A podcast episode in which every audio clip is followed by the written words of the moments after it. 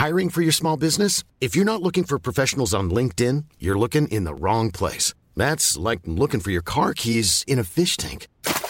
LinkedIn helps you hire professionals you can't find anywhere else, even those who aren't actively searching for a new job but might be open to the perfect role. In a given month, over 70% of LinkedIn users don't even visit other leading job sites. So start looking in the right place. With LinkedIn, you can hire professionals like a professional. Post your free job on linkedin.com slash people today.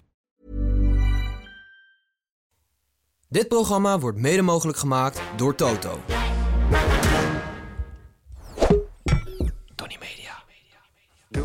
PSV incasseert een schandalig tegendoelpunt. Pavlidis wint van Heerenveen en Feyenoord neemt Vitesse over. Verder pakt FC Utrecht de felbegeerde plek 16, maakt Stijn plaats voor Guardiola en heeft Pax Volle wel een grote en sterke speler. Het lijkt alsof we twee weken zijn weg geweest en het is ook zo. Dus de hoogste tijd voor een nieuwe aflevering van de derde helft.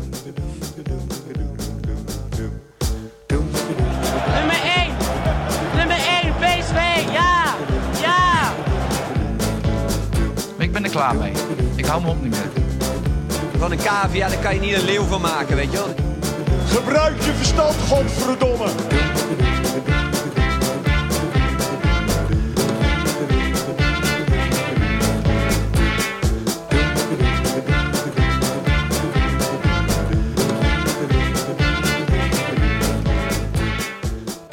Goedenavond, kijkers van de YouTube livestream en hallo luisteraars van de podcast. Ik ben Gijs en welkom terug bij weer een nieuwe verse aflevering van de derde helft. We zijn nog steeds de Eredivisie podcast waarin we de gehele speelronde nabeschouwen door de ogen van een stelletje amateurs. Vandaag worden amateurs Snijboom, Pepijn en ik vergezeld door een professional. Michel Dodeman keert namelijk terug in de studio. Welkom terug Michel, leuk dat je er bent. Dankjewel. Leuk om hier te zijn op eh historische avond. Ja, historische avond. Over historische grond en historische avond. Eh, voor de mensen die je niet kennen, die denken, "Huh, is hij een professional? Dat is hij zeker, want hij bent sportjournalist eh, bij De Speld en uh, Hartgras. Is schrijver van boek Doorspelen. 60% van het wijle komisch duo met Tim natuurlijk. En in 2019, en die houden we erin, uitgeroepen tot sportjournalistiek talent van het jaar. En altijd vragen we je even een korte update over Real Murcia. Dus ook bij deze. Ja, gaat eigenlijk goed. Ja? Ja, laatste, van de laatste vier wedstrijden zijn er drie gewonnen. Oké. Alleen verloren uit tegen Ibiza. Altijd lastig. Ik was bijna naar die wedstrijd eh, geweest, Nee. maar die is verplaatst. Dus daarom kon ik er niet heen. Maurice Stijn is er wel heen ja, denk ik wel.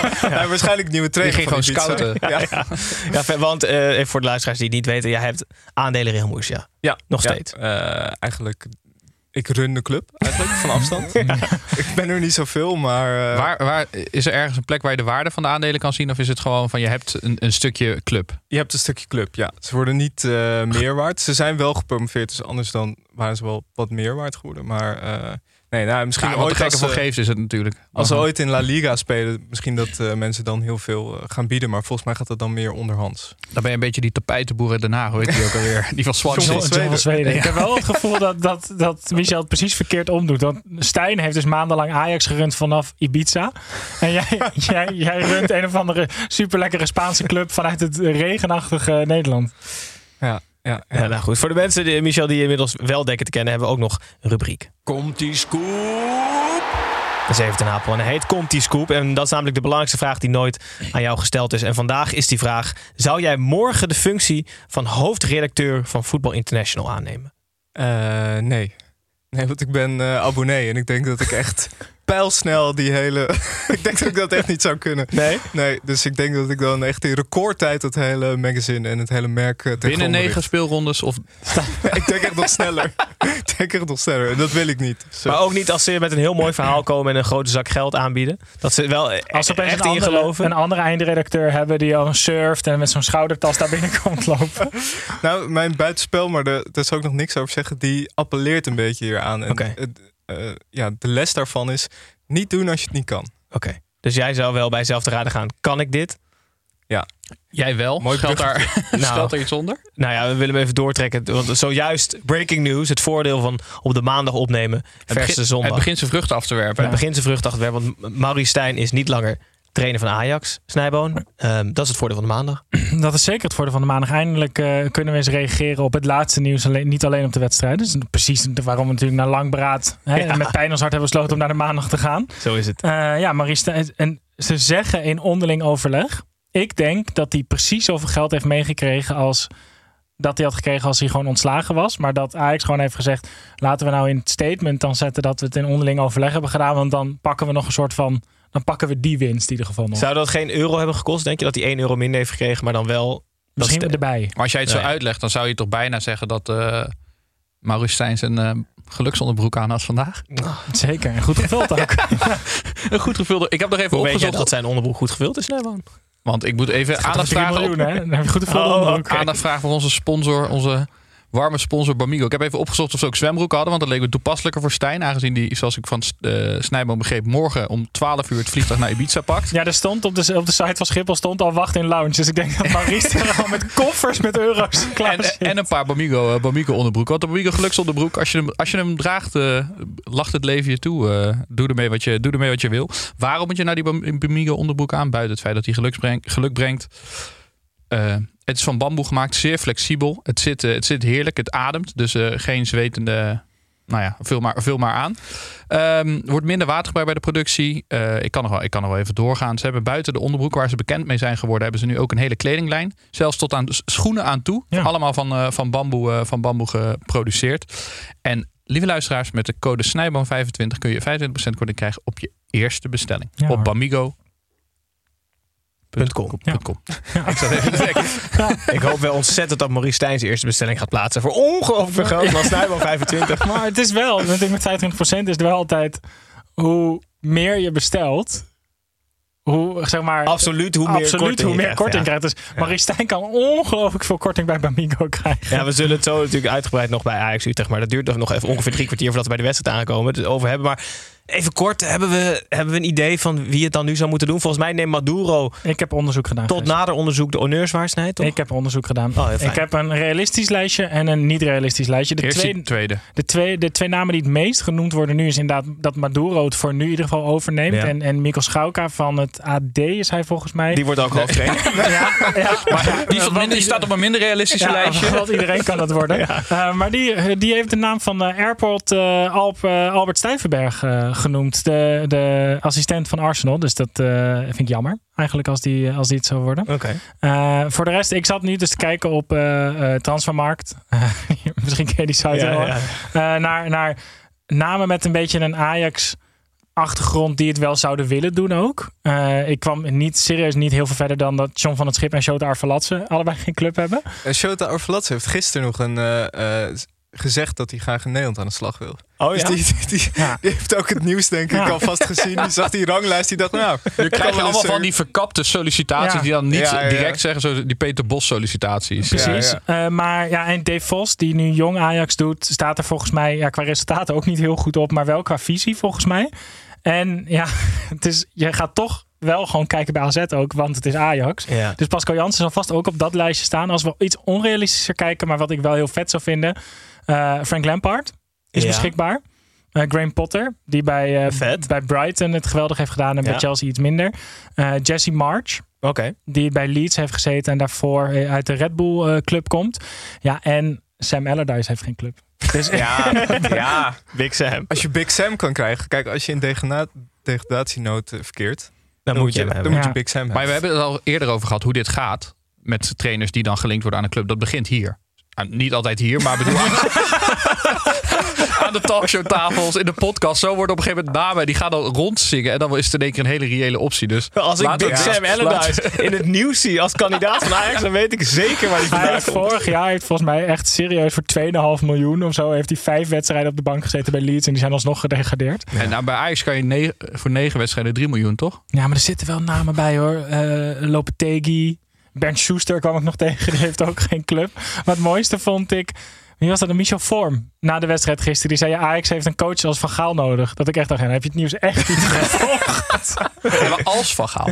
ja. Ja, en Tim natuurlijk Guardiola hè, vorige week. Maar goed, die is er nu niet. ja, die stond net niet op een van die lijstjes. Nee, nee, zelfs niet op het eh, onrealistische lijst. Hoe zou Pierre van Hooydonk deze avond beleven? Ja. Ik denk lekker biertje opentrekken, de hele avond pushberichten lezen. Ja, Misschien ze ook wel naar zitten. Ibiza om te vieren.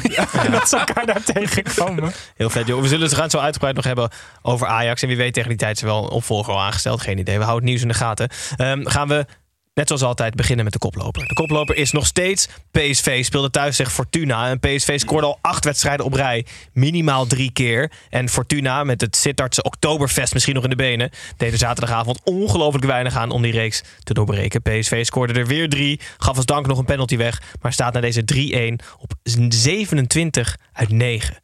Michel, Peter Bos zei achteraf gigantisch te balen van de tegengoal. Die pisnijdig was. Is dit professioneel en veel eisend of lachwekkend?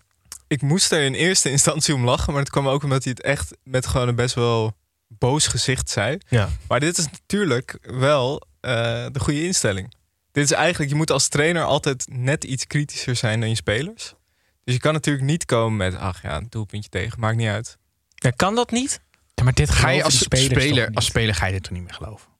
Ja, ja nou, nee, nee, misschien niet. Nou, of misschien maar- zitten ze nu weer op het punt, daar hebben we het al eerder over gehad, waar ze in de cyclus zitten van eh Omgekeerde, omgekeerde psychologie. psychologie.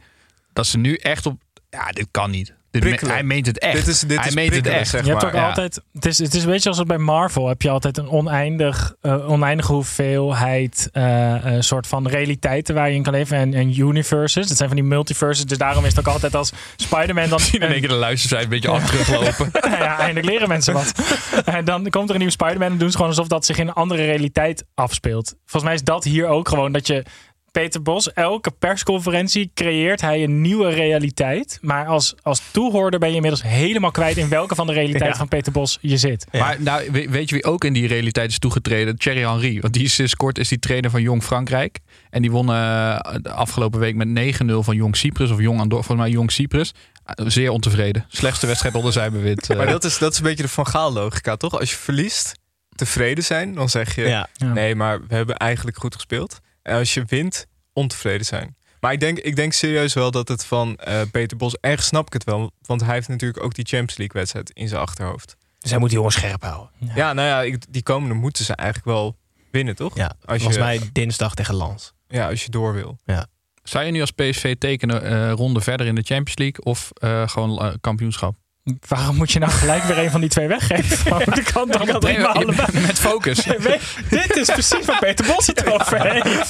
Dat kan gewoon allebei. Daarom heb ik het nooit gered. Als jij dit in de kleedkamer bij Peter Bos zou zeggen... Nee, zou, zou, je, zou je boos worden op Tilman die die overtreding maakte waar de penalty uitkwam? Nee, ik heb deze eh interlandperiode me eens echt even goed druk gemaakt over waarom wij het niet veel raarder vinden dat we hetzelfde eisen van spelers die dwars door alle tijdzones vliegen heen en terug. Want als je mij, ik ben overdag al niet meer zo heel goed, maar als je mij om twee uur s'nachts voor mijn gevoel een voetbalwedstrijd laat spelen, dan ben ik denk ik wel gewoon 30% minder nog. Twee uur 's ochtends, dat is nog erger. Wat zei ik dan? Twee uur s'nachts. Maar ik bedoel, het voelt meer, voor hem is het meer vroeg opstaan en dan spelen. Dat is erger dan lang opblijven en moeten spelen. Oh, zo. Oh, dat weet ik. Ik denk lang opblijven erger hoor. Ik zou liever van 10 tot 1 slapen dan heel veel wakker worden en dan twee uur voetballen. Dan wakker blijven te twee uur dan voetballen. Maar ik snap het wel. Piloten hebben toch verplichte rusttijden. Als ze volgens mij eh, de- meer dan 18 tijdsverschil moeten ze drie of vier dagen rust nemen. Omdat het gewoon onveilig wordt daarna. Zowel voor de gezondheid als voor de mensen in het vliegtuig. Ja, Om ik- weer te gaan vliegen. Maar voor een voetbal is dat toch. Het heeft niet voor de veiligheid, maar gewoon voor je kwaliteit die je levert. Het is Nou, toch fucking ik, zuur. Ik heb dus ook een onderzoek gevonden over wat jetlags en tijdverschil daadwerkelijk doet met prestaties. En ze zeggen dat het eigenlijk begint bij een tijdverschil van meer dan drie uur. Dat je er dan echt last van krijgt. En dan moet je eigenlijk al drie of vier dagen van tevoren richting de tijd van waar je heen gaat gaan slapen. Maar tijdens een interlandperiode ben je daar soms maar 24 uur. Dus dat is dan super moeilijk om volgens mij dan is het weer wel terug te minder slapen. erg als je er maar 24 uur bent. Oké, nou hier staat dan wel in ieder geval dat je. ehm, het, even kijken, de meeste sporters. eh, dan hebben we. Wat staat er ook weer? Oh ja. Ze verslechtert hun wendbaarheid en hun sprintprestatie. Oh. Dat zijn twee dingen die voor een voetballer, zeg maar, dus die overtreding van Tilman. Zo'n pothuis die gewoon altijd een jetlag had. Ja, terwijl die waarschijnlijk altijd gewoon in Europa op vakantie is In, Lent, in Nijmegen of Lent was. Nee, maar zo'n Tilman. dit- dit- ja, ik vind het dus serieus best raar. eh, dat hier niet. Net zoals met de Ramadan, dat eh, voetballers dan gewoon s'avonds moeten voetballen. En dan gewoon letterlijk de hele dag niet gegeten hebben. En dat, we daar, dat je als kijker daar niet eens heel veel begrip voor hebt. Maar ook nu met die jetlags en met Ja. dat heen en weer reizen. vinden we het zo normaal. Maar volgens mij is het echt een mega aanslag. Ja, dat zou goed kunnen. Nou goed, ze wonnen in ieder geval wel met 3-1 en blijven bovenaan staan. Want ze hebben tot nu toe Alles gewonnen. Indrukwekkend. Indrukwekkend. Gaan we door naar de nummer, nummer twee, dat is AZ. AZ speelde thuis tegen Herenveen. En de, Alsof je net een soort hele mooie documentaire hebt gezien. Indrukwekkend. Pavlidis is de personificatie van de zeespin Snijboon. Midweeks een penalty veroorzaken tegen zijn land. En in het weekend een hattrick maken voor zijn club. De Griekse zeespin blijft zo in, het, in de achtervolging op Kruif. En bij Herenveen is Casey, ondanks de 3-0 nederlaag tegen Pavlidis, prima op weg naar handhaving. Eh Pepijn, jij wilde vorige week of twee weken geleden af van die recordjacht van Pavlidis. Is het nog steeds zo? Nee, ik ben weer terug. Ik ben goed? weer terug op de, op de trein van de recordjacht. Want hij is namelijk, hij heeft het record van Cruijff ge, even, hij is nu alleen samen nog met Cruijff die de eerste negen wedstrijden eh, hebben gescoord. Alleen ik dook er even in en Cruijff die heeft speelronde drie toen gemist. Aha. Ja. Dus ik, dat, het idee dat Cruijff de eerste 14 wedstrijden ja, die die speelde heeft gescoord. Maar ja, en, nu is het helemaal niet indrukwekkend.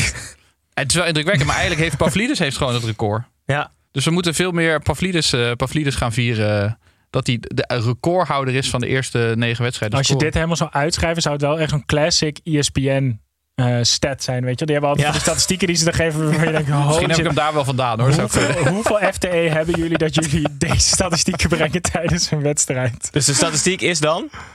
Doe maar even op ESPN stel. Eh, Pavlidis is de eerste spits. Ja, die, in de eerste negen wedstrijden heeft gescoord. Want Johan Cruijff Nee, nee, miste de derde nee, nee, je kan hem daar speelronde, stoppen. Dus, oh. Pavlidis is de eerste speler die in de eerste negen speelrondes heeft gescoord. Die ook in speelronde 3 heeft gespeeld. Ja, vet. Heel goed, mega record. Eh Casey verliest met 3-0, maar Pepijn je had vorige week gezegd... ze moeten gewoon tevreden zijn met plek 13, toch? Daar blijf ik bij. Hou het Niks bij. aan de hand in Heerenveen. Niks aan de hand weer Ik, zei, ik heb wel een tip voor ze. Voor Heerenveen. Een spits opstellen. Op zich. Ja. Pelle van Amersfoort stond erin. Ja, die heeft foto's hoor. Dit is, net, dit is echt Koeke Martina Maar het is, over. het is echt, zeg maar, hoe erg kan je identiteit in de prullenbak gooien? Heerenveen is toch altijd gewoon... De krankzinnige spitsen kwamen van Heerenveen in de eredivisie. En, en dan ga je gewoon... Je kan je toch alleen maar focussen op een spits eigenlijk als Heerenveen. Ja, maar ook als je het spel ziet, is het allereerste wat je wel echt denkt van god, die zouden best een spits kunnen gebruiken. Ja. Laat ze er nou twee op de bank hebben zitten die miljoenen hebben gekost. Ja. Tip aan Kees van Wonderen. Nou, in ieder geval, AZ blijft tweede staan. Gaan we door naar nummer drie. Dat is Feyenoord. Feyenoord speelde thuis tegen Vitesse. En er zijn nog veel vraagtekens rondom de financiële overname van Vitesse. Na zaterdag werd er in ieder geval 90 minuten voetballend overgenomen door Feyenoord. De Rotterdammers speelden lekker, wonnen gemakkelijk met 4-0. Maar konden niet al te breed uitlachen door het uitvallen van Jiménez en Minte. Eh Pepijn, een andere steunpilaar, Kelvin Stenk, speelde weer goed. Is het al een legende aan het worden van Feyenoord? Nou, dan moet ik even kijken bij- naar onze gast. Ik heb eh, eh, be- beargumenteerd dat eh, je als club nog maar vijf legendes mag hebben. Dus je hebt een pool van vijf. En de sports mogen beslissen als ze nu Stenk een legende willen noemen, moet er eentje af. Dus we hebben Koen Moulijn, John de Wolf, Willem van Hanegem, Ove Kindval en Van Persie. Dit is een beetje zoals bij de WK's, bij die top 5. Ja, dan ja, de dagelijkse top vijf. Gaat erin af? Ehm, het, is echt maar, het is maar goed dat Michel ons kent. Oké, dus geen, geen legende Kelvin Stenks, maar wel echt een heerlijke speler. Wat ik ook Als hij nu zo zegt, ik doe Koemelijn maar. Nee, maar ik vind het knap dat je eigenlijk voor Szymanski haal je een opvolger die ergens vergelijkbaar is. Vind ik in, in zijn spel. En meestal gaat het niet goed. Meestal ga je proberen op zoek naar een speler die een andere speler kan vervangen. Die, die, die veel gelijkenissen vertoont. Dat het dan altijd een slap aftreksel wordt. En hij doet hem gewoon helemaal vergeten. Het is eh, ronduit, wat zei ik net, indrukwekkend. Dit vind ik ook indrukwekkend. Ja. eh. Ja, ja, ik ben, er, ik ben er best wel verbaasd over. Ik had hem, eh, vorig jaar heb ik hem niet, of nauwelijks ik heb hem twee keer bij Antwerpen eh, zien spelen. Dat was, nou, dat je echt dacht, die kan het niet. Ik, ik dacht eigenlijk van, ik, toen, toen ze hem haalden, dacht ik, oké, eh, vind, ik niet, vind ik niet een hele indrukwekkende aankoop. Maar en het, sch- het scheelt natuurlijk ook heel erg dat je een compleet ingespeeld team hebt, waarbij weinig eh, spelers vertrokken zijn, maar dan alsnog, hij doet het echt Ja, geweldig. maar dit Feyenoord is wel eh, zeg maar, de bevestiging dat ik helemaal geen verstand heb van voetbal. Want ik dacht wel echt bij die aankopen van ja, dit, dit, zeg maar, dit hou je niet nog een seizoen vol. Wat je hebt vorig jaar hebt laten zien was een gelukstreffer. Want, maar die te Kloese, die heeft dus echt gewoon diamanten ogen. En dat, dat, zeg maar, zo'n Stenks, daar heeft toch niemand van gezegd, nou dat is een logische, slimme aankoop. En die gaat die Simanski wel even doen vergeten bijvoorbeeld. Maar er is uiteindelijk best wel wat vertrokken bij Feyenoord. Mm. Want Feyenoord in het begin was echt nog niet zo heel sterk. En daar werd er echt ook nog wel in het begin van dit seizoen over gesproken... dat Slo- Slot nog op zoek was. Dus speelde twee keer gelijk ook. Hè, eh, Stenk speelde af en toe op rechts. Toen weer op 10. Eh eh, Jiménez was volgens mij... Die had die, die Gold Cup gespeeld. Dus die was nog niet helemaal En die had fit. de jetlag waarschijnlijk. Kukcu was weggevallen. Geertruida leek nog op de nominatie staan om te vertrekken. Dus het was helemaal niet zo heel indrukwekkend aan het begin bij Feyenoord. Alleen Slot, omdat hij gewoon zo'n duidelijk beeld heeft van hoe hij wil spelen, Ja, maar is dat toch denk ook ik. wel in samenspraak met de Kloesen. Dat- Zij doen dat toch. Ik heb het idee dat er wel echt een tandem is met welke spelers kan ik in mijn systeem gebruiken. En ga jij maar eens even met je Nee, dat denk ik 25 wel. klonen door Europa overal afspeuren waar je ze vandaan haalt. Dus Ja, maar het dat bedoel ik meer dat ik denk van ja, ik, zat er, ik zat er weer compleet naast. Maar dat doe ik dan ook graag als, je zo de, als een club zo geleid wordt, vind ik ook Ja, dus fijn op een gegeven moment wil men, dus die voor Feyenoord is, dat jij ernaast zit, Pepijn. zien. Ja, Dus iedereen gaat willen dat jij dingen zegt die totaal niet kloppen. Het is want helemaal dat niet komt indrukwekkend. uit. Het is Nee, helemaal nee, niet indrukwekkend. En eh Marino Pusic, succes van Feyenoord, wordt ook deels aan hem opgehangen. Want hij lijkt te vertrekken om hoofdtrainer te worden bij Shakhtar Donetsk. Interessante keuze. Ja, eh, ja, ik zie ze niet heel vaak spelen. Nee. Eh, ik weet dat eh Ted van Leeuwen er zat. Eh, Spelen ze nu wel competitie daar? Ja, Volgens mij ja, spelen ze wel competitie zeker. en Champions League ja. spelen ze in Duitsland geloof ik. Ja, want het, het interessante is volgens mij dat er zat, eh hoe heet je, Patrick. Van Leeuwen? Van Leeuwen. Patrick van Leeuwen, ja. Ja, die was daar. eh, is dat dan familie van. Ted van Leeuwen. Ja? Nee, misschien is het Ted, Patrick. Ted is kort verkort voor Patrick. Dus hij was daar hoofdtrainer, Ted van Leeuwen. Oh ja, nee, Pet- was Patrick eigenlijk Pet van Leeuwen. Ja, nee, dat is ook zo. Want Pet en Ted van Leeuwen. Roer bij was- Shakhtar. Ted van Leeuwen zat ook helemaal niet. Ehm, maar eh, zij stonden volgens mij, hebben zij Europees eh, gewoon een van de twee wedstrijden gewonnen. En staan ze echt drie punten achter op de nummer één. Dus het was best wel raar dat hij eruit En ze hadden ook nog één wedstrijd minder gespeeld. Ja, Toen dus ze, toen ze achter stonden. Dus het was...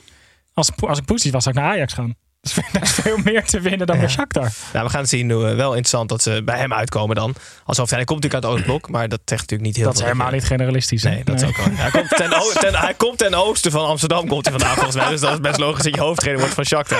Je hebt helemaal gelijk, Snij. Feyenoord won in ieder geval met 4-0 van Vitesse. En Cocu kan ons nog steeds niet schelen.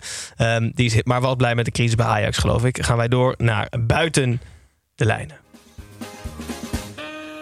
Edwin, Kevin hier, buitenspel. Ik hoor je niet behalen. Zeg nog eens. Oké, Edwin. Edwin, buitenspel. Met buitenspel. eh nemen, die, nemen alle drie volgens mij aan tafel een buitenspelletje weer. Want Michel, jij bent een ongelooflijk vriend van de show. Dus jij weet, ondanks dat ik het niet gezegd heb, dat je iets mee moet nemen. Dus steek van wal, zou ik zeggen. Ik las een, eh, eh, een artikel in The Athletic. eh, en dat vond ik echt geweldig. Het is een heel goed verhaal. Het speelt zich af in, 1999, of, ja, in 1996. Toen stelde Swansea City Kevin Cullis aan als trainer. Eh, en het bijzondere was dat hij eh, ja, ingenieur was van beroep. En voormalig manager van een nachtclub die failliet ging. En hij runde Cradley Town, een eh, semi-profclub. En hij trainde hun onder 16. En verder had hij geen enkele ervaring als trainer. Stond hij op het lijstje bij Ajax? Niemand wist hoe ze bij hem terechtkwamen. En eh, hij werd aangesteld door een nieuwe eigenaar die ook eigenlijk niks met voetbal had. En eh, Cullis was zeven dagen in dienst van Swansea. hij heeft geen enkele training gegeven. Heeft hij gewoon niet gedaan. Heeft hij aan zijn assistent overgelaten. En hij heeft anderhalve wedstrijd getraind. Hij heeft er één getraind. En bij de tweede wedstrijd namen de spelers het heft in handen in de, in de rust. En is één speler gewoon opgestaan. Die heeft gezegd, oké, jij gaat daar staan. Jij gaat daar staan. Want de rechtsbuiten stond linksback. En alles stond door elkaar. En één speler zei gewoon, oké, jij doet dit, jij doet dit. En toen daarna is hij eh, ontslagen zeven dagen lang. Eh, en Swansea zat toen in de, in de derde divisie in Engeland. Maar ik kan iedereen aanraden om dat verhaal even op te zoeken. Want het is echt geweldig. Waanzinnig zeg. Ja. Heel vet. Snijboom, wat heb jij meegenomen?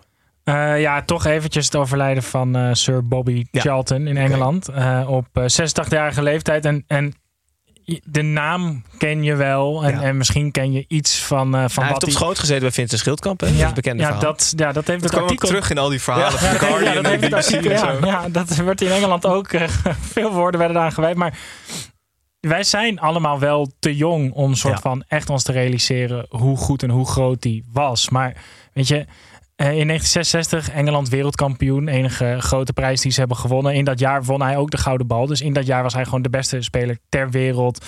Eh, tot 2015 topscorer van Engeland. Weet je, 106 interlands. Ehm, eerste grote prijzen met Man United eh, gewonnen als speler. En toen in de jaren 80, eind jaren 80, heeft hij bijvoorbeeld contact gelegd met Sir Alex Ferguson.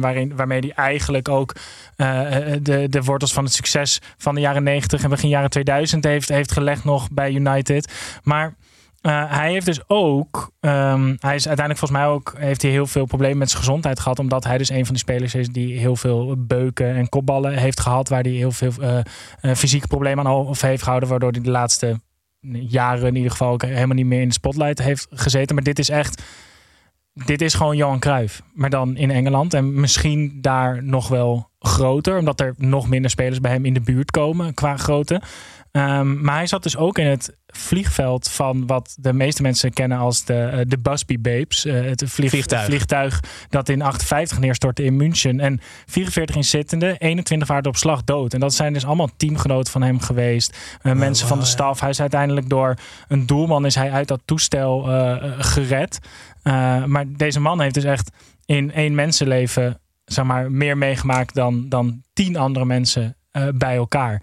Dus ik vond het wel belangrijk om misschien even iets meer over hem te vertellen dan alleen maar Ja. ja, ja het is een sir en hij is wereldkampioen geworden. Want dit is echt in het voetbalgekke Engeland eh, was dit gewoon misschien wel de grootste die is overleden. Heel goed. Mooi. Ik heb een beetje over eh, mobiele toiletten. Om even door te pakken over... Ja. Ja, Misschien van tevoren toch even afspreken in welke volgorde. Nee, nee, nee. Die, die, je moet overal bruggen naar kunnen bouwen. Het brugje heb ik nog niet helemaal, maar het verhaal wel. Ehm, eh, eh, FC Barcelona, die worden gesponsord door eh, Spotify. En die hebben nu eh, eenmalig hebben ze een eh, actie dat ze door de, eh, de Rolling Stones, die hebben een verbindenis met Spotify. En daardoor krijgt het logo van de Rolling Stones komt op het shirt te staan van, eh, op het shirt te staan van FC Barcelona. Dat is dat tongetje, dat tongetje uit de mond. Nee. Nou ja, eh, commerciële, commerciële actie. Maar uh, uit de Scottish League 2, eh, ludiek als ze zijn, die hebben als hoofdsponsor eh LOC Probeer die naam nog eens, maar dan met het in het Schots gewoon een beetje. Hessemer. Die hebben LOC Hire als, eh, als hoofdsponsor. En die eh, zijn gespecialiseerd in mobiele toiletten. Dus nou hebben zij een shirt bedrukt met alleen zo'n mobiel toiletje, toiletje op het midden. En eh, de verkoop gaat als, een, gaat als een gek. En al dat geld gaat naar de Liefdadigheidsstichting van de club. Ze hebben nog niet meer kunnen spelen. Want door de storm die Groot-Brittannië thuis zit, is de wedstrijd uitgesteld. Maar binnenkort dus Den Hessemer. Met dus meer IJslands, maar meer met een toilet op hun shirt. Vet. Hiring for your small business? If you're not looking for professionals on LinkedIn, you're looking in the wrong place. That's like looking for your car keys in a fish tank. LinkedIn helps you hire professionals you can't find anywhere else, even those who aren't actively searching for a new job but might be open to the perfect role. In a given month, over 70% of LinkedIn users don't even visit other leading job sites. So start looking in the right place. With LinkedIn, you can hire professionals like a professional. Post your free job on linkedin.com slash people today. Oké, goed. Gaan we door, terug naar de wedstrijden. En naar Heracles tegen FC Twente. Eh, Na een, na een half uur nam Michel Vlap nog maar een extra biertje vanuit het uitvak. Twente stond met gemak met 0-2 voor en leek in de race voor de titel te blijven. In de tweede helft werd die voorsprong uit handen gegeven en kan Twente, zoals Oosting vorige speelronde zei, absoluut niet meer meedoen voor die titel. 2-2 werd het uiteindelijk. Snijboon, ik zat te denken, we zitten altijd hier te zeggen van je moet lokale jongens hebben in een, in een derby, in een streekwedstrijd, want die weten wat er op het spel staat. Maar toen Twente en Heracles delen een jeugdopleiding. Dus hoe, hoe werkt dat? Ja dat, dat, ja, dat ligt er dan toch aan. Want aan het eind word je dan door een van de twee zomaar gekozen. Ja. Of, of mag je, ja, als je heel goed bent, mag je zelf ook kiezen waar je heen gaat. Dus dan, ik denk dat je sowieso in de jeugd dus nooit embleem moet kussen. Nee. Dat is veel te risicovol. Dat moet je gewoon dat- niet doen. die hebben toch allebei de logo's? Kan je het gewoon allebei kussen? Ja, dat kan ook. Ja. Zo'n dubbele kus. Ja, of dan toch zoals, eh, wie was dat ook weer, Cornet bij, eh, bij, Burnley. Burnley. Die kuste toen per ongeluk het Umbro-logo. Misschien moet hij, moet hij dat wel, gewoon moeten ze dat doen. Maar Gijs, jij vertelde me dat het nog veel erger was. Want naast dat je dus als jeugdspeler niet moet kiezen, hoef je dus eigenlijk sowieso niet meer te kiezen voor welke van de deze twee clubs je bent. Want jij vertelde mij dat zij vandaag op de maandag, de dag na de derby, een oefenwedstrijd tegen elkaar hebben gespeeld. ja. En ik bedacht me dus eventjes dat, dat Arsenal en Spurs of Real en Barça of Ajax en Feyenoord de dag na de wedstrijd dan achter gesloten deuren gewoon nog een keer die wedstrijd zouden spelen. Dat is waanzinnig, hè? Heracles heeft gewonnen trouwens. Maar, Maar je Maar moet dus eigenlijk nu bij deze wedstrijd geen jeugdspelers meer opstellen. Omdat die houden te veel van de andere club. Ja. Dat is eigenlijk... Ja, of je, je kan mensen kunnen toch heel snel radicaliseren. Dus als je dan weet van die, die, die speler. Nee, maar dat, dat je weet voor de zomer van die, ze- die haal ik naar Twente. En dan gewoon een zomer zo'n kamp met een echt Heracles echt helemaal kapot maken in iemands hoofd. Dat hij echt gaat haten. Dat is de enige optie. Want anders Nou, Ik zie geen andere optie. Nee, nee, ik zie, ik zie Anders boeit ze niet. Maar Michel, terug te komen op jouw vraag. Er was dus gewoon een oefenwedstrijd tussen de reserves van Heracles en de reserves van Twente. Maar dan vinden, die moet het stempel derby er ook maar van aftrekken, toch? Want dat zie je nergens anders ter wereld, denk ik. Nee, ik vind, eh, ik vind dat ook eh, vreemd. Maar ik vind sowieso eigenlijk de soort van... Er, er is een hele eh, industrie in schaduw oefenwedstrijden aan het ontstaan. Ja. Omdat iedereen, alle spelers moeten maar... Maar ik vind ook, ja... Ik zou er helemaal geen zin in hebben als reservespeler. Je bent gewoon reservespeler. Ja, dat is Laat me lekker reserve zijn. Ja, laat me lekker er, reserve worden, zijn. er worden soms oefenwedstrijden georganiseerd omdat er één belangrijke speler dan wedstrijdritme moet Ja. doen. Dan komen er dus 21 andere mensen die al basis staan en dan ook nog mensen op de bank. Alleen maar zodat één iemand kan kijken of zijn knie het nog goed doet. Ja. Maar ik speel wel liever op maandag een oefenwedstrijd dan dat je zo na de wedstrijd als reservespeler Ja. nog van die sprintjes moet gaan trekken over het veld. Dat vind ik nog vernederender. Die cooling down. Ja. Ik zat trouwens eh, te kijken naar Emiel Hansson. En het valt mij op dat hij rent, als een, eh, ja. dat hij rent als een FIFA-poppetje. Want hij houdt die bal heel dicht bij zich. Maar hij draait ook best wel hoekig. Oh dus ja? het voelt echt Als je joystick is kapot waar, dat je alleen die knopjes had. Ja, maar hij heeft, hij heeft echt precies... Als je, als je erop gaat letten... Want hij houdt die bal ook heel dicht bij zich. Ja. Wat Dus- op zich goed is, toch? Dat is, dat is goed. Nee, maar het is ook eigenlijk een eh, bijna perfecte dribbelaar. Maar ik vond het gewoon zo bijna eng. Omdat ik dat nog nooit zo gezien heb. Een speler die zo dribbelt. Maar gaat hij als hij schuin naar voren gaat dan rechts links? Maar ja, ik denk ook dan- als, als hij schiet dat hij in zijn hoofd dan zo rondje R2 denkt. Ja, ja, ja. ja. Maar zullen er jeugdspelers zijn die hun speelstijl baseren Op FIFA. op FIFA? nou, wat ik denk wel, je ziet soms echt spelers die wel... Wat je altijd hebt bij FIFA is dat je dan zeg maar aan de linkerkant komt. Dat je dan zo rechts naar binnen trekt en dat je dan ja, rondje en volgens mij is het R1, R1, R1 rondje. R1 rondje. Ik zie best wel vaak jonge spelers waarvan ik denk, ja, dit, dit is gewoon de FIFA move. Ja. Dat, is de- werkt altijd. De Jago Bises waar is dat toch? Op het veld deden ze dat ook nog wel eens zo... zo eh, Zoals niemand het kent in de wereld. maar coach op het veld, als iemand naar binnen trekt, dan gewoon roepen zo R1 rondje. Ja, dat weet ik niet. Gijs, Gijs ging nooit op Nee, goal. ik had alleen R1 kruis. Vierkantje. Ja, vierkantje. Vierkantje, ja. Oké. En dat je, zoals in FIFA 98, dat je sprint, maar dat dan op de sprintknop het niet. Nee, precies. Er was ook nog een opvallende verschijning.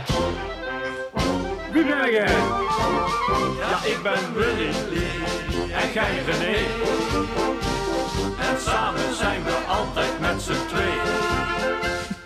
Ingestuurd door Cees Plezier, dus dankjewel daarvoor, Ja. Cees. Ehm, is namelijk, eh, het puntverlies van Twente is redelijk logisch. In de rust werd Jozef Oosting gewisseld voor eh, Bill Burr. Dat is een Amerikaanse eh, comedian. Dus eh, komt dat zien op onze social kanalen. Dankjewel. Cees plezier. Gaan we door naar de volgende wedstrijd. Go Ahead Eagles tegen Sparta. Eh, Sparta heeft het kasteel. De Eagles hebben de Vetkampstraat. Sparta had de eerste helft. De Eagles de tweede helft. En als je een wedstrijd niet kan winnen, dan moet je hem niet verliezen, zei iemand ooit. Beide ploegen namen dit ter harte. En zo eindigde deze wedstrijd zoals het begon. 0-0. Eh Pepijn, is er toch nog iets opgevallen deze wedstrijd of Nou, niet? nou, ik zet het eh, deuntje voor de conspiracy maar weer eronder. Maar ik denk dat de hele eredivisie een complot aan het smeden is tegen Ajax.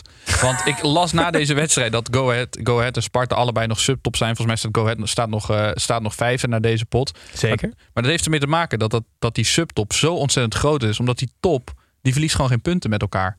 Dus die zijn zo hard weg aan het lopen. Die denken er is nu, er is nu crisis bij Ajax. Dan gaan we ze hebben ook. En ze lopen met z'n allen lopen ze heel hard. Ik ben even gaan terugkijken. De afgelopen jaren hadden ze na negen speelrondes de eerste vier ploegen bij elkaar. eh, de eerste keer was voor mij 77 punten, 87 punten en 86 punten. En nu hebben ze al 97 punten verzameld na, eh, na negen speelrondes. Het is ongelooflijk hoe, hoeveel punten die top, eh, hoeveel die punten die top Ja, het gat tussen plek 4 Twente en plek 5 Go Ahead is 8 punten inderdaad al. Ja, dat is Na 9 wedstrijden. ontzettend, ontzettend veel. En Guus Stil zei het volgens mij dit weekend dat er geen echte subtop meer is. Dat vind ik dan ook niet echt Guus Stil de aangewezen persoon om daar een opmerking over te wel de maken. ultieme subtop. Ja, maar die zei dus er is geen subtop meer. Dus zit je dan in één keer bij PSV. Hij is de goede kant op, eh goede kant op van. Maar het is wel, ik vind het wel opvallend. Dat, dat midden, dat, de subtop, ik zou het op dit moment ook niet kunnen benoemen. Maar het valt me wel op dat de top dit jaar eh, echt sterk is. En ik heb het idee dat, was het mijn niet punt. alleen... Nee, maar dat het... Maar zo kort had je het dus, Samenvatten. zo kort had je het dus ook kunnen vertellen. We moeten drie kwartier houden. Maar ik heb het idee niet alleen relatief, maar ook... En ik kan dit nog niet helemaal internationaal staven. Oh, ik dacht Maar qua cijfers, eh, want die heb ik voor.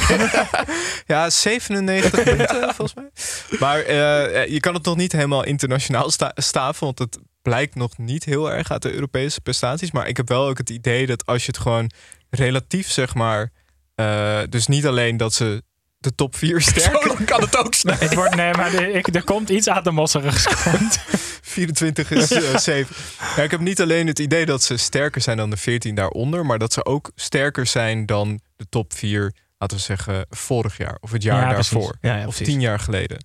Ik heb echt wel het idee dat, er wel, dat het wel uitzonderlijk is. Kan die dat cijfers wel voor- even bijzoeken. Nee, maar sowieso natuurlijk het feit dat, dat eh, Feyenoord en PSV in de groepsfase van de Champions League spelen en allebei zeker geen modderfiguur slaan. Eh, Je zou, verwachten, wel je zou verwachten als Ajax helemaal niet draait, verwacht je niet aan de andere kant dat er zo'n grote top is. Verwacht je juist een kleinere Ja. top en dat het meer dichter bij elkaar zit. En Maar- Twente, en Twente heeft dan nog de pech gehad dat ze gewoon een hele moeilijke loting hadden. Want normaal gesproken, want Fenerbahce is ook Ja. heel sterk dit Ja. jaar. Maar ik baalde ook gewoon en dat, dat ze de twee derbies in de weekend moeten spelen. Dat is ook, Ja. En ik baal dat Heracles die gelijkmaker maakte. Want ik dacht, anders had ik nog een sterk... Dan had ze 99 punten gehad, de top 4. Hey, over Go Ahead Sparta. Ja. Ehm, ik vond dat, eh, ondanks dat het 0-0 werd, eh, vond ik dat eigenlijk een hele goede wedstrijd.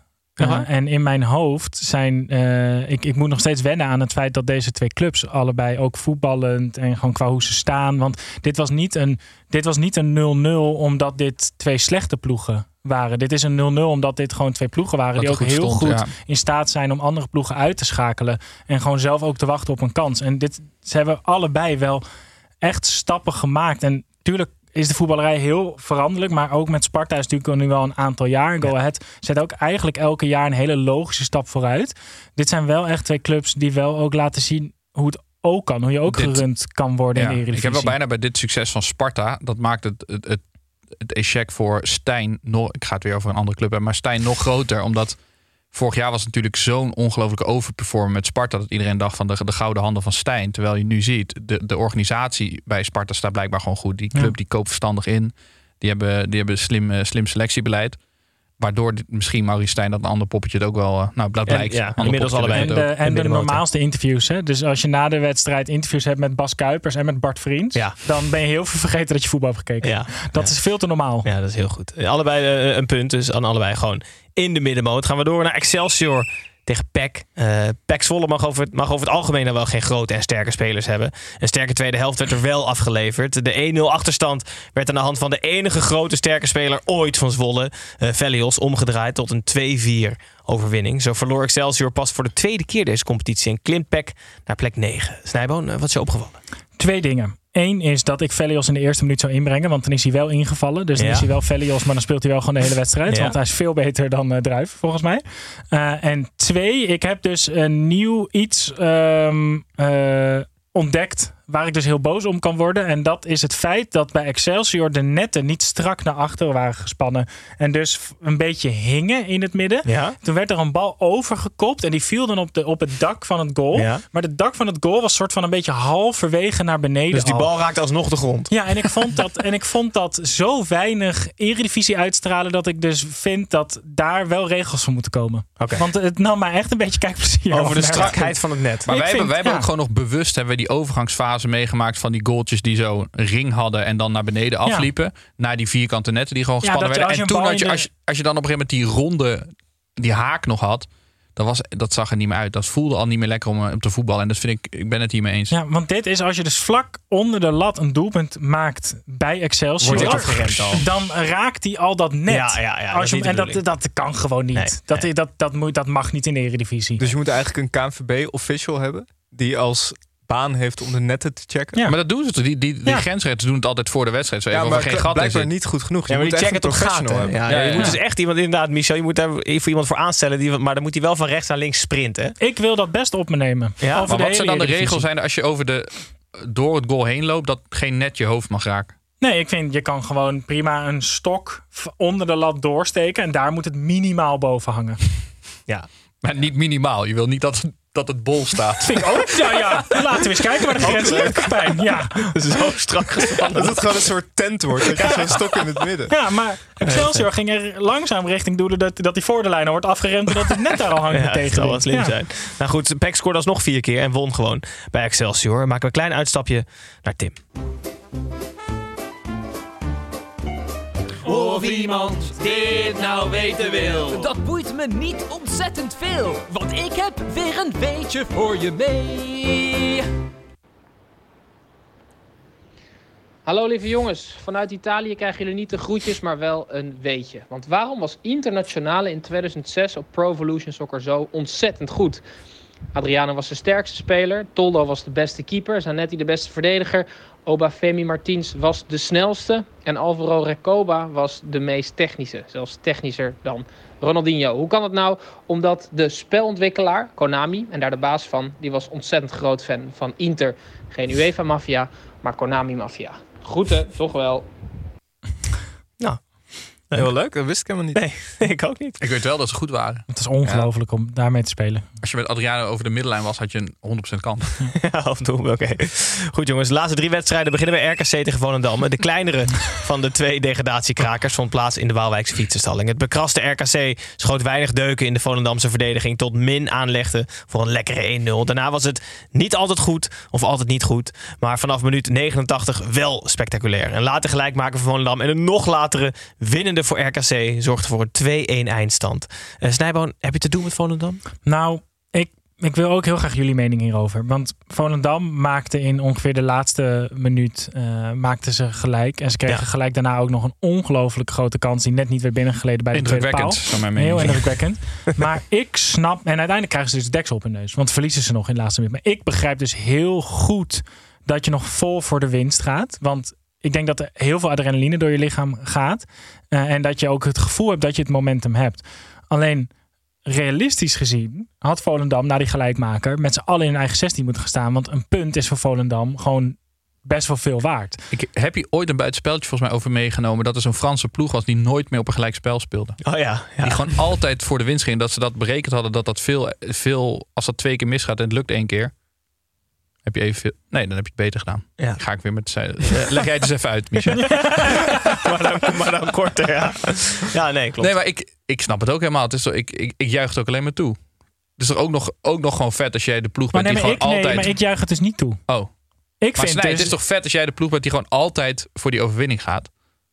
Het is misschien eh, dom. Ja, nou dat dus. Ja, maar het straalt ook wel wat uit. Ja, uitstraling. Daar, kun je, daar, kun je, daar, kun je- daar betaal je- geen rekening van, eh, Pep. Nee, maar ik, eh, ik vind dat ze dat moeten blijven doen. Want op een gegeven moment word je ook... Zeg maar, ik denk namelijk dat dat terughangen en naar achter verdedigen... dat zie je ook vaak, dat dat ook heel matig werkt. Dat als je eenmaal in die verdrukking zit... Ja, het is nu de verkeerde kant opgevallen... maar als je eenmaal in die verdrukking zit... dan denk ik, heb ik ook altijd het idee... oh, hij valt nog wel. Dus gewoon blijven aanvallen. Beste verdediging zijn Wijsman. eh ooit. Ik had ook... Wat is jouw mening? Vroeg aan ons. Ik vind, het, eh, ik vind het ook niet heel gek om door te drukken. Ik vind altijd wel het psychologische aspect van... Ik vond het ook toen heel erg bij Nederland-Argentinië. Dat ik echt voor de tv zat na die 2-2 van... Druk nou door, want het is gewoon... eh, ja, op het psychologisch. hakblok. Ze liggen al op het hakblok voor je gevoel. dat is gewoon... Je weet dat zelf van als je op het veld staat. Dat gaat, je, dan moet je naar achter lopen. En, je, terwijl, en ik denk ook dat sommige ploegen gewoon niet heel goed zijn in het achteroverleunen. En ik denk dat Volendam daar niet per se geweldig in is. Nee, dat is waar. Oké. Ik vind... eh, ik, vond, ik vond ook de conclusie... Ik was helemaal vergeten dat Michiel Kramer voor Volendam had gespeeld. Ja. En dat hij daar 40 doelpunten voor had gemaakt. Ja. Ik had het gevoel, gevoel dat ik gewoon een heel... Ik niet, hij heeft mij ooit in een Volendam shirt eh, bij mijn keel gegrepen. Maar dat was niet in de wedstrijd. Dat was gewoon op de dijk.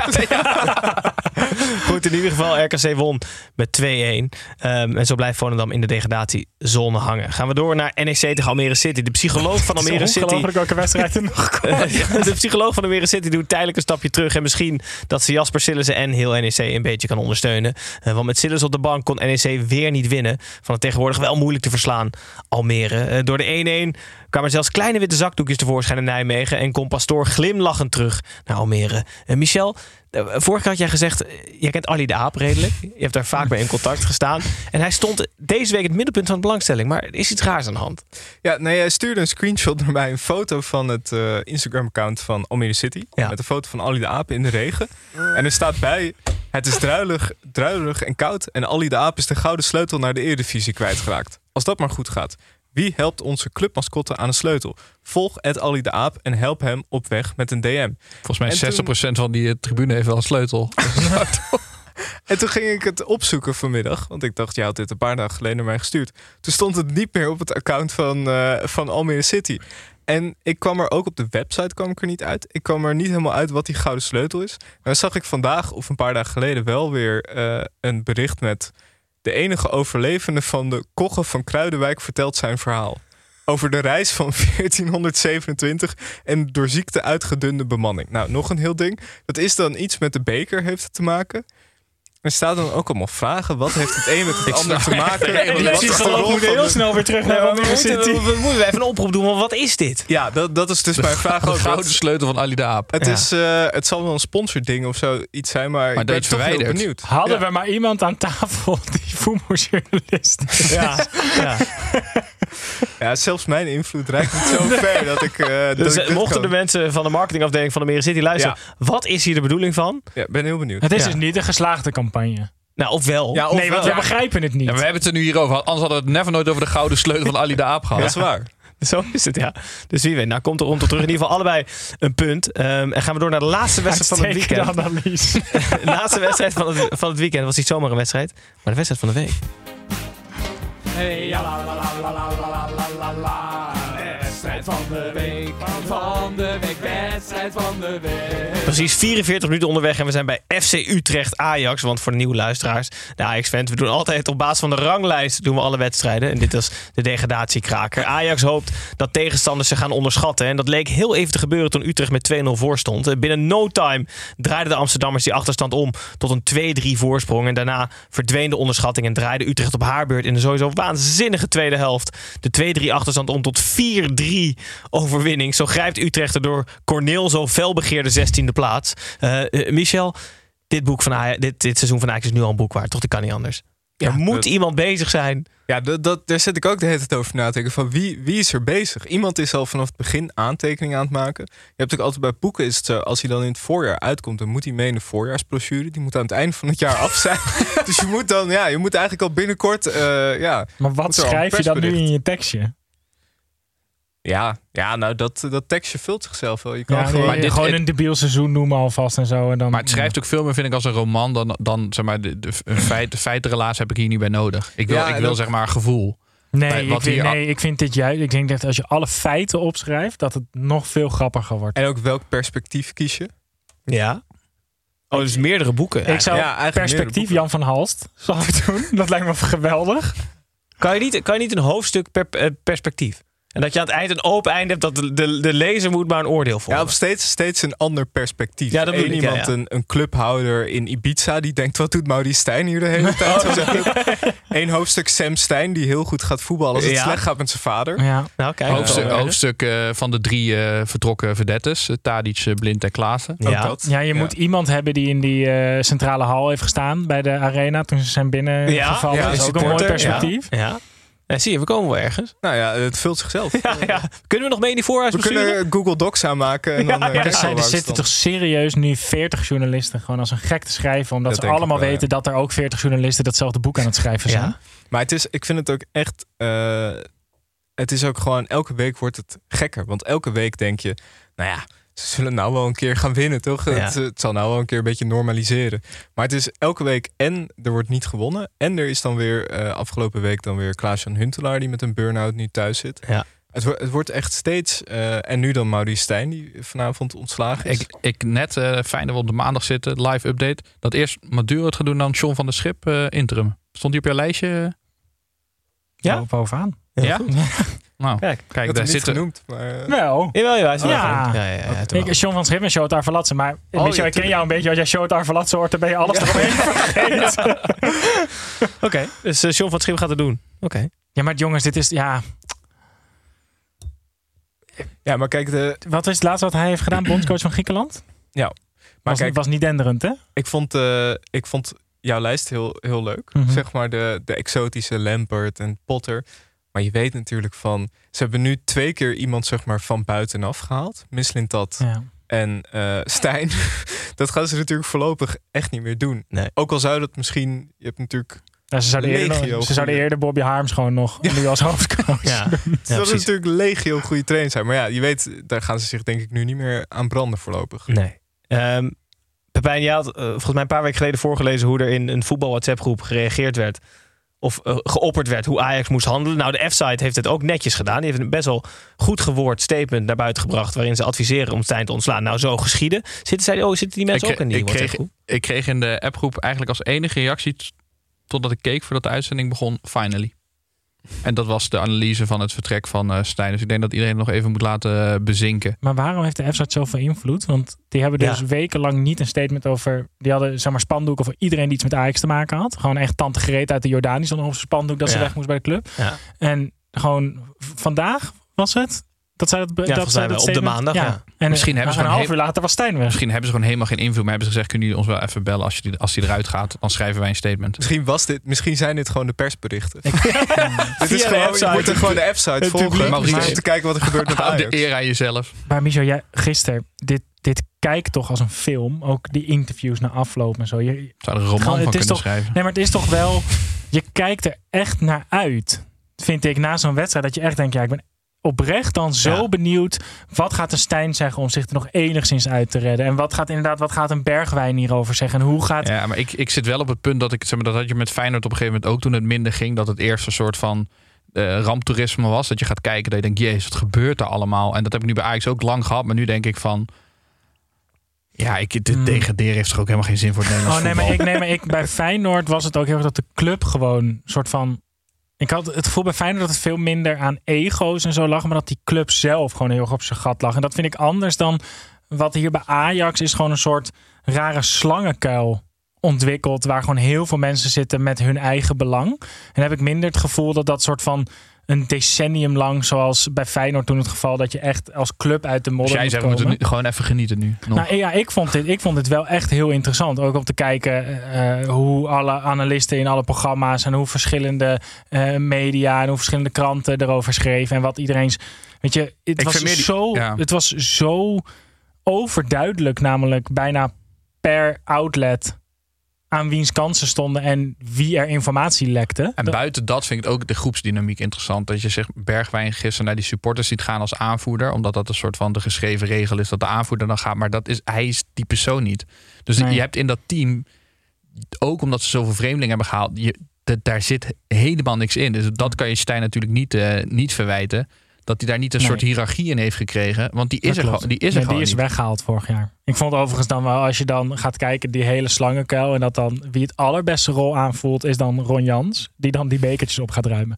Dan snap je toch ontzettend goed hoe je nog punten kan scoren op zo'n middag. Hè? Want de wedstrijd werd twee keer tijdelijk stilgelegd vanwege eh vreugdebekertjes, noemen ze het maar, Ja. op het veld. En Jans ging ze inderdaad opruimen en dat was geweldig. Ja, genieten. Echt Even, even, even, de- even dat vingertje van niet meer doen, hè, jongens. ja. echt even de, de, de, de, de leraar Duits. Ja. Kwam even, in plaats van de Duits leraar, die kwam Ja. even weer naar boven. Weer. Ja. Ja. En heel veel nog over FC Utrecht. Eh ik had een Cornel hier twee weken geleden. En die zei al, het kan gewoon, het kan nog slechter, want we gaan van Ajax winnen en zo geschieden.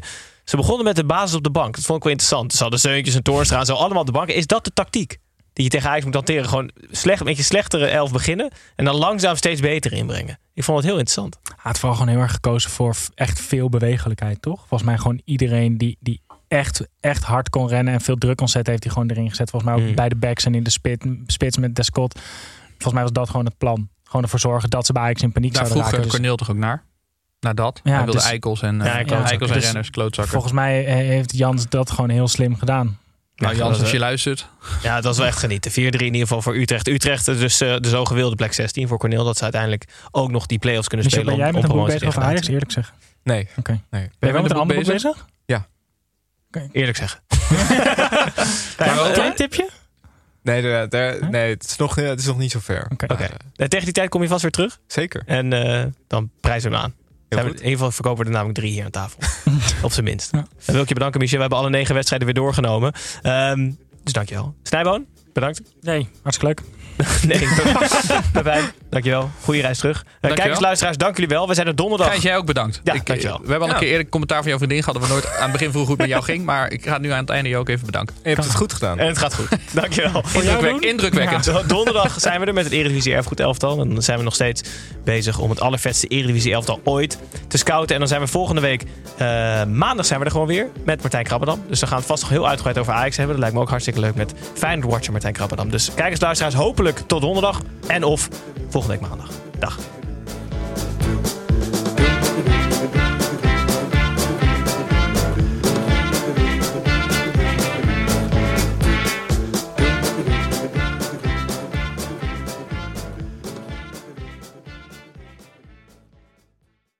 Dit programma werd mede mogelijk gemaakt door Toto.